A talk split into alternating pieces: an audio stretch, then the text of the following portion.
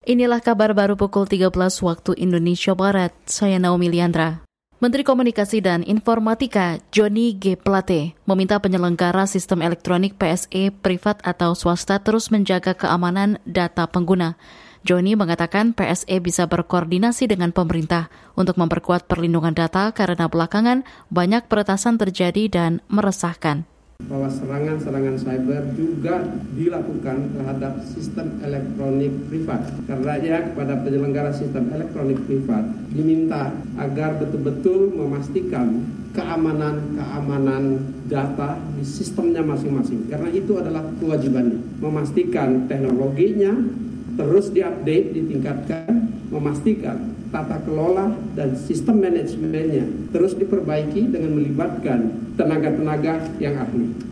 Menkominfo Johnny G. Plate juga mendorong penyelenggara sistem elektronik swasta memperkuat sumber daya manusia SDM sehingga mampu membuat pengamanan data yang kuat dari pembobolan. Sebelumnya terjadi kebocoran data di beberapa lembaga negara yang dilakukan oleh peretas bernama Biorka. Bahkan data beberapa menteri tersebar di dunia maya. Komisi Yudisial kembali mensosialisasikan seleksi calon hakim agung dan hakim ad hoc hak asasi manusia HAM di Mahkamah Agung MA.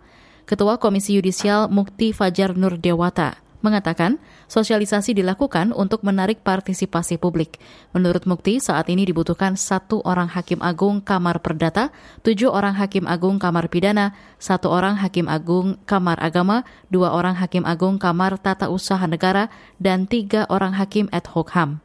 Untuk menindaklanjuti surat tersebut, Komisi Yudisial membuka pengumuman penerimaan usulan Hakim Agung dan Hakim HAM di Mahkamah Agung sudah kita lakukan sejak tanggal 31 Agustus 2022 yang lalu dan akan ditutup nanti pada tanggal 19 September 2022 mendatang.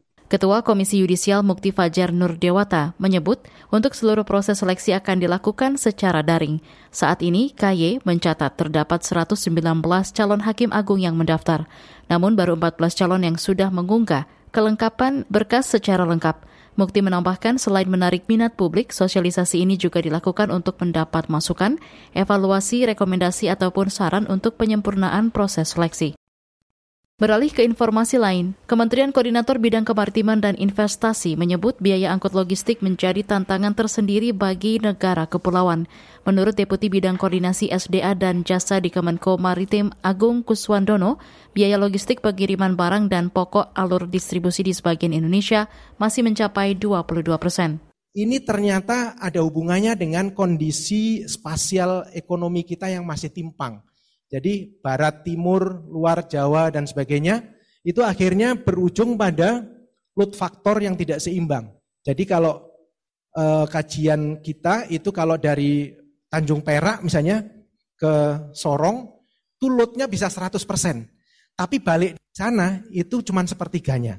Adapun tantangan skala ekonomi lain adalah banyak pelabuhan domestik yang belum bisa menampung kapal ukuran ideal 2.500 teus sehingga tol laut belum bisa optimal, hingga adanya variasi kedalaman alur laut pelabuhan yang sangat berpengaruh pada kapasitas kapal.